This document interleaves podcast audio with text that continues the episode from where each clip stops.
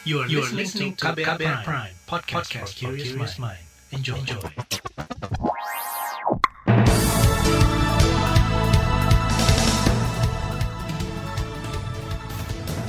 Selamat pagi saudara, senang sekali kami bisa menjumpai Anda kembali dalam program Buletin Pagi edisi Kamis 3 Desember 2020 bersama saya Sindu Darmawan. Sejumlah informasi pilihan telah kami siapkan di antaranya, libur akhir tahun berpotensi ciptakan klaster baru COVID-19. Amnesty International Indonesia merilis puluhan video kekerasan polisi. Dampak erupsi Semeru, jalur penerbangan ke Banyuwangi dialihkan. Inilah Buletin Pagi selengkapnya. Terbaru di Buletin Pagi. Saudara pemerintah mengurangi jumlah hari libur di akhir tahun ini. Menteri Koordinator Pembangunan Manusia dan Kebudayaan PMK Muhajir Effendi menyatakan cuti bersama dipangkas tiga hari.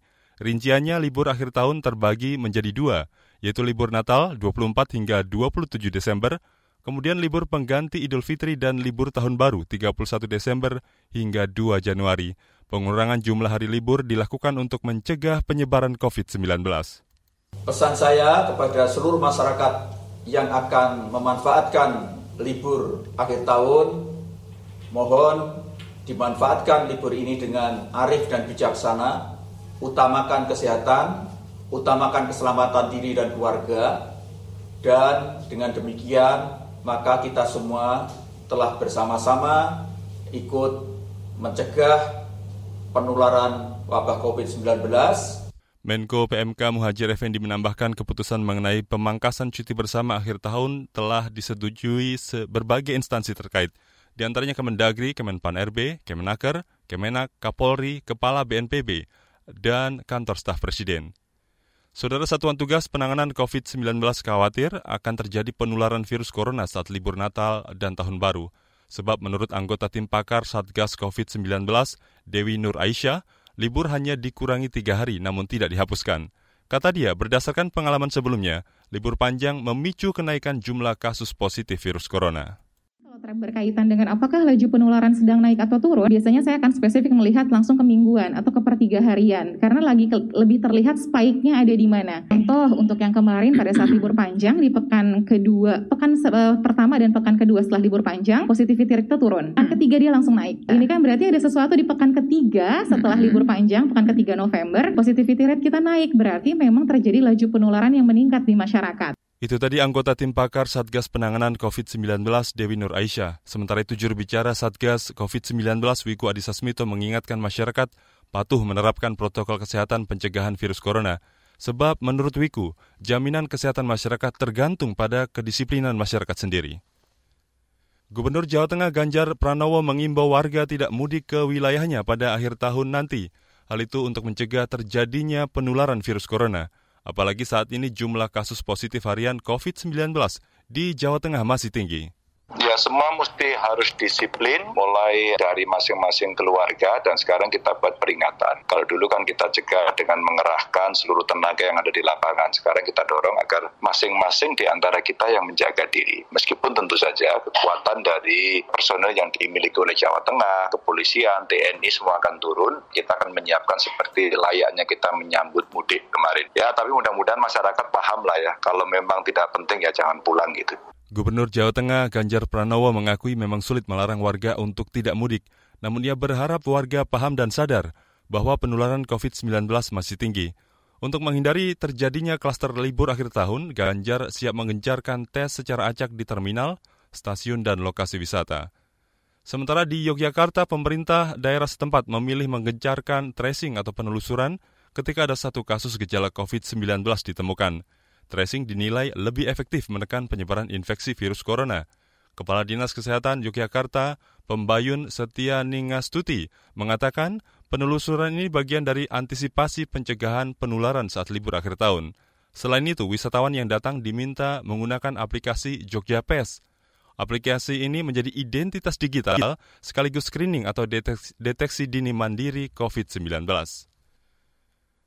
Epidemiolog Universitas Erlangga Surabaya Laura Nafika Yamani mengimbau masyarakat tidak memaksakan diri liburan akhir tahun ke lokasi yang ramai pengunjung.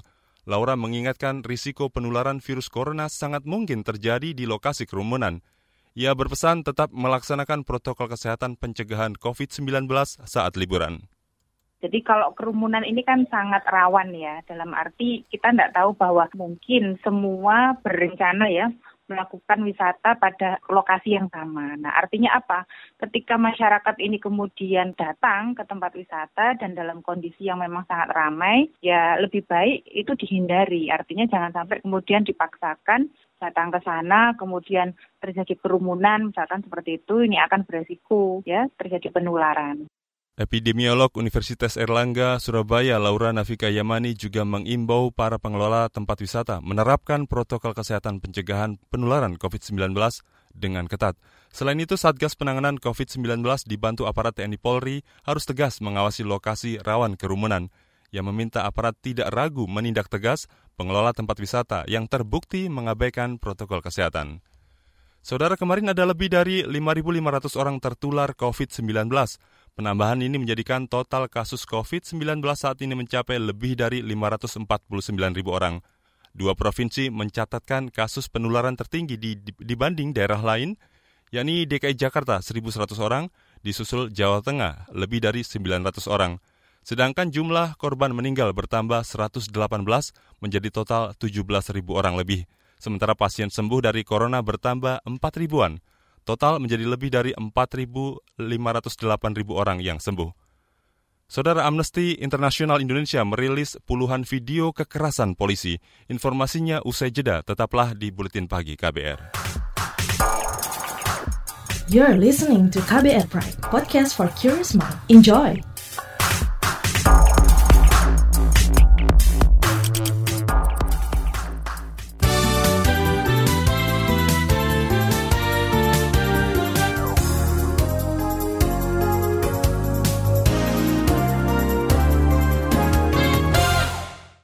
Saudara Amnesty International Indonesia merilis video bukti kekerasan aparat kepolisian terhadap masa saat demo menolak Omnibus Law Cipta Kerja.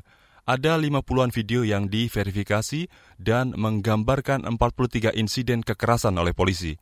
Direktur Eksekutif Amnesty International Indonesia, Usman Hamid mengatakan, kekerasan polisi terangkum selama aksi demo pada 6 Oktober hingga 10 November lalu. Nah, hasil pemeriksaan Amnesty International terhadap bukti-bukti video tersebut menunjukkan bahwa polisi di berbagai wilayah Indonesia itu telah melakukan pelanggaran hak asasi manusia yang sangat mengkhawatirkan. Dan ketika para pengunjuk rasa berdemo menuntut pembatalan undang-undang di berbagai kota, sebagian mereka sayangnya direspon dengan kekerasan yang luar biasa, termasuk pemukulan, penyiksaan, dan juga perlakuan buruk lainnya Direktur Eksekutif Amnesty International Indonesia Usman Hamid menambahkan berbagai insiden kekerasan yang dilakukan personel kepolisian itu menunjukkan pelecehan hak atas berkumpul dan berekspresi masyarakat.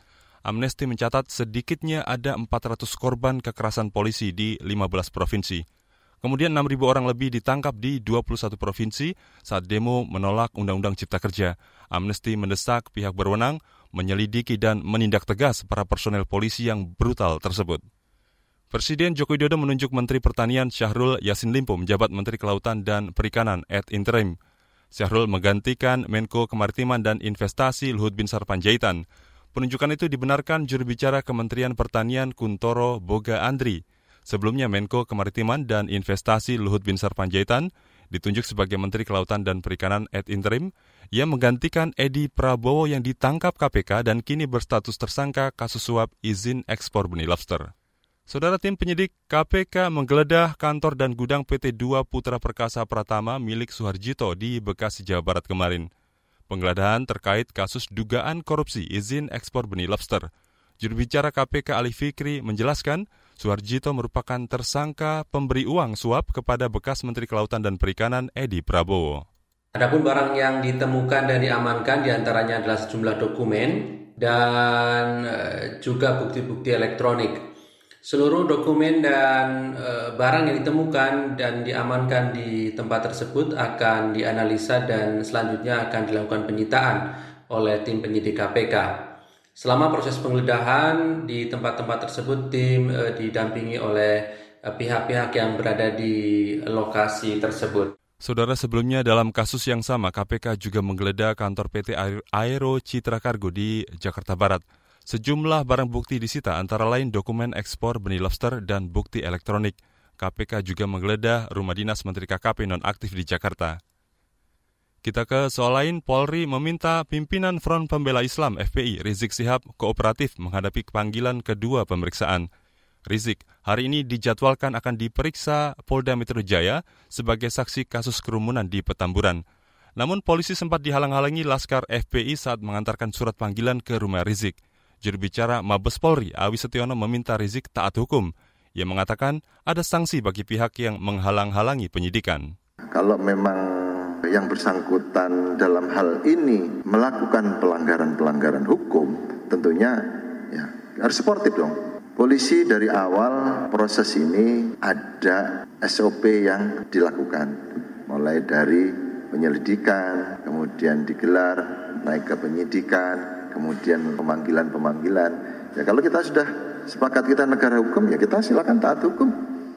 Itu tadi juru bicara Mabes Polri Awi Setiono. Sementara itu Aziz Zanuar, selaku kuasa hukum Rizik Sihab mengatakan belum bisa mengonfirmasi apakah kliennya akan hadir dalam pemeriksaan hari ini atau tidak. Saudara pada selasa lalu, Rizik tidak memenuhi panggilan pertama Polda Metro Jaya. Ia tidak hadir dengan dalih pemulihan kesehatan. Menteri Sosial Juliari Batubara menyesalkan masih adanya perlakuan diskriminatif terhadap penyandang disabilitas. Ini disampaikan Juliari bertepatan dengan peringatan Hari Disabilitas Internasional yang jatuh pada hari ini. Juliari mengingatkan bahwa amanat Undang-Undang Penyandang Disabilitas mewajibkan perusahaan swasta dan BUMN memperkerjakan paling sedikit satu persen penyandang disabilitas. Pastinya ada perlakuan yang masih diskriminatif terhadap saudara-saudara kita penyandang disabilitas itu pastinya ada. Antara lain sebenarnya kita juga menghimbau misalnya fasilitas-fasilitas publik seperti transportasi publik, infrastruktur ya, agar mulai sekarang benar-benar diperhatikan bisa menjadi ramah disabilitas. Apa namanya? Ini juga merupakan bentuk daripada tanggung jawab negara menempatkan saudara-saudara kita penyandang disabilitas di tempat yang setara. Juliari Batubara menambahkan Kemensos meluncurkan situs Kreatif Disabilities Gallery untuk menyambut Hari Disabilitas. Ini merupakan galeri virtual yang memamerkan hasil karya penyandang disabilitas. Tema Hari Disabilitas Internasional kali ini adalah membangun kembali kehidupan yang lebih baik ke arah yang inklusif, aksesibel, dan berkelanjutan pasca pandemi COVID-19. Kita beralih ke berita mancanegara. Inggris menjadi negara pertama yang mengizinkan penggunaan darurat vaksin COVID-19 Pfizer untuk masyarakat luas. Vaksin diperkirakan akan mulai dijual ke publik pada pekan depan. Departemen Kesehatan menyebutkan penghuni panti jompo, staf kesehatan dan perawat akan menjadi kelompok prioritas penerima vaksin. Inggris telah memesan 20 juta dosis vaksin. Vaksin Pfizer membutuhkan dua dosis agar tubuh kebal dari virus corona. Efektivitasnya mencegah COVID-19 hingga 95 persen. Pembuatan vaksin dilakukan perusahaan farmasi Jerman BioNTech. Vaksin disebut sebut manjur untuk semua umur dan etnis. Dari berita olahraga, Manchester United kalah 1-3 melawan Paris Saint-Germain pada fase pada laga fase grup di Liga Champions di Old Trafford dini hari tadi. Di pertandingan itu, Neymar mencetak dua gol, sedangkan satu gol lainnya disumbangkan Hinhos. United memperkecil kedudukan lewat sebiji gol yang dilesakkan Rashford. Hasil ini membuat persaingan di grup H makin ketat, sebab MU, PSG, dan Leipzig masing-masing memperoleh 9 poin. Belum ada yang lolos ke babak 16 besar.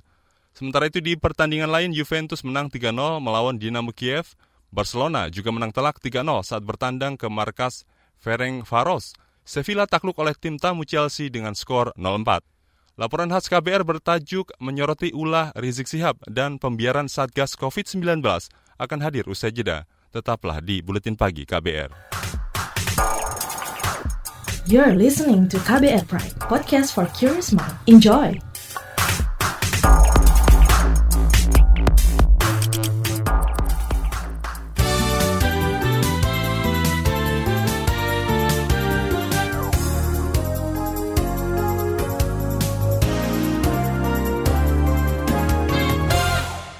Anda masih bersama kami di Buletin Pagi KBR. Saudara kontroversi pimpinan Front Pembela Islam FPI Rizik Sihab terus berlanjut.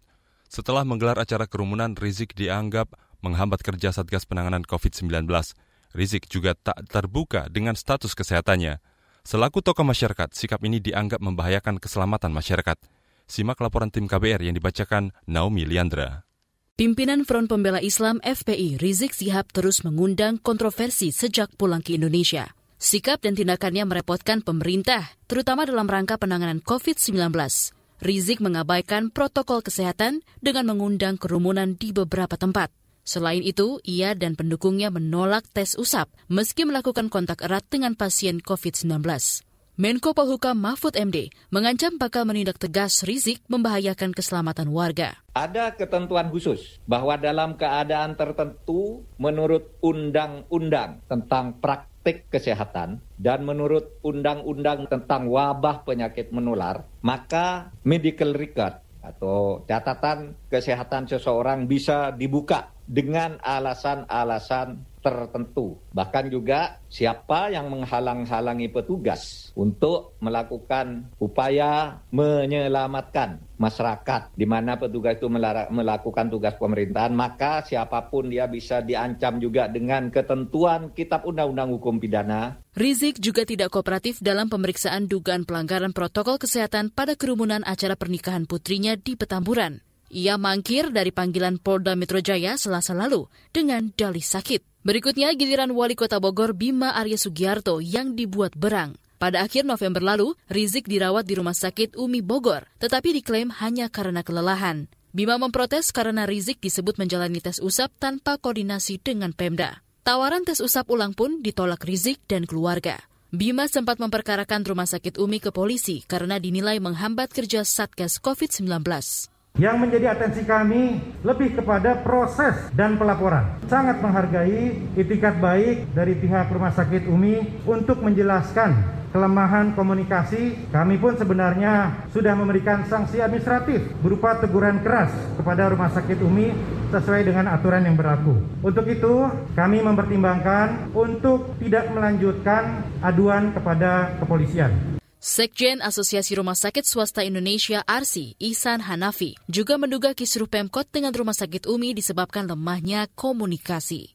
Ia yakin pihak rumah sakit sudah menjalankan prosedur termasuk melakukan tes usap kepada Rizik, tetapi tidak bisa diungkap ke publik lantaran termasuk data pribadi pasien. Karena rumah sakit juga pasti eh, sesuai prosedur, ada petugasnya, dilakukan sesuai sama petugas kita. Ya mungkin masalah komunikasi saja, ya masalah komunikasi. Saya, rasa siapa pun mungkin kalau hasilnya udah tahu sih masalah komunikasi saja. Pihak istana angkat suara dengan sikap Rizik yang menolak mengumumkan status kesehatannya. Kepala Staf Kepresidenan Muldoko membandingkan dengan perilaku sejumlah tokoh masyarakat yang proaktif mengumumkan ke publik ketika dinyatakan positif COVID-19.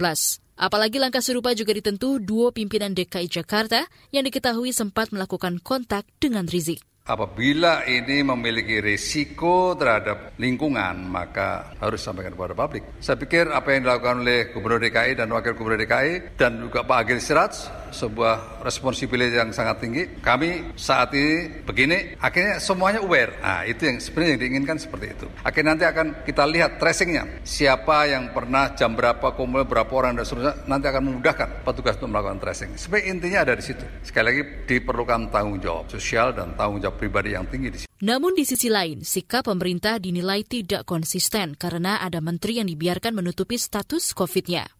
Salah satunya Menteri Kelautan dan Perikanan Nonaktif Edi Prabowo. Pengamat kebijakan publik Agus Pambagio mengatakan, tokoh seperti Rizik bisa memakai dalih itu untuk menolak mengumumkan status kesehatannya. Kan banyak menteri juga yang kena tidak declare. Mungkin dia ikut-ikutan aja. Nah, itu nggak dideklar nggak apa-apa. Kok saya dideklar? Kan gitu kan. Karena kan jelas peraturan perundang-undangnya, kebijakannya jelas. Ini bencana nasional. Jadi negara harus ambil alih, negara punya kuasa untuk mengurangi dampak dari bencana itu. Salah satunya ya data, terus di tracing, karena siapa saja orang yang berkontak dengan dia selama beberapa hari itu, siapa saja kan harus di tracing, terus dites. Selaku tokoh masyarakat, semestinya Rizik proaktif mengumumkan status kesehatannya. Di lain pihak, pemerintah juga terkesan enggan memaksa Rizik terbuka ke publik meski punya kewenangan. Kondisi ini membangun persepsi masyarakat bahwa Rizik memang diistimewakan. Ya bisa, masyarakat bisa menganggap itu kan. Loh kenapa yang lain nggak diman ini nggak diumumkan gitu kan. Yang lainnya kan dideklar. Oh itu kemarin gubernur, wakil gubernur mendeklar. Kok di sini enggak? Kan dia jabatannya rakyat biasa, bukan pejabat negara. Pejabat negara aja mendeklar. Ya kan? Ya karena satu nggak di nggak di tidak sesuai dengan GCG-nya, good corporate governance-nya, ya susah. Kan kalau tebang pilih itu sulit. Jadi pengendaliannya juga akan sulit buat Indonesia. Kita belum sampai puncaknya loh ini. Demikian laporan tim KBR, saya Naomi Liandra. Saudara, informasi dari daerah akan kami sajikan usai jeda. Tetaplah di Buletin Pagi KBR. Commercial break.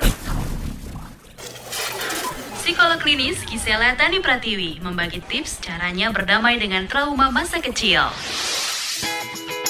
uh, ayah atau ibu saya mengata-ngatai saya dengan kalimat tertentu. Misalnya kamu bodoh, misalnya katakan gitu ya. Itu terngiang terus sama saya, itu dampak emosinya apa ke saya?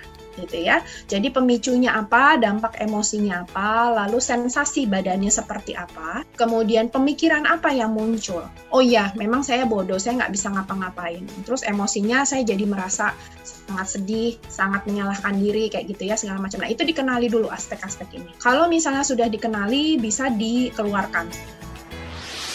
Simak obrolan selengkapnya dalam podcast Disco Diskusi Psikologi dalam episode Berdamai dengan Trauma Masa Kecil di kbrprime.id dan platform mendengar podcast lainnya.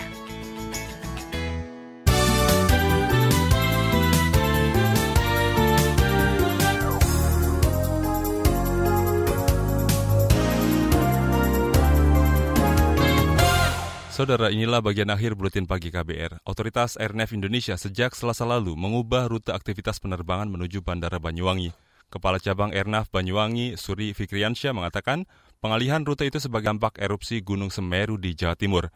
Masih belum tahu sampai kapan pengalihan rute penerbangan menuju Bandara Banyuwangi itu diterapkan. Saudara informasi tadi menutup jumpa kita di Buletin Pagi KBR hari ini. Pantau juga informasi terbaru melalui kabar baru, situs kbr.id, Twitter kami di akun @beritaKBR, serta podcast di alamat kbrprime.id. Akhirnya saya Sindu Darmawan bersama kerabat kerja yang bertugas undur diri. Salam.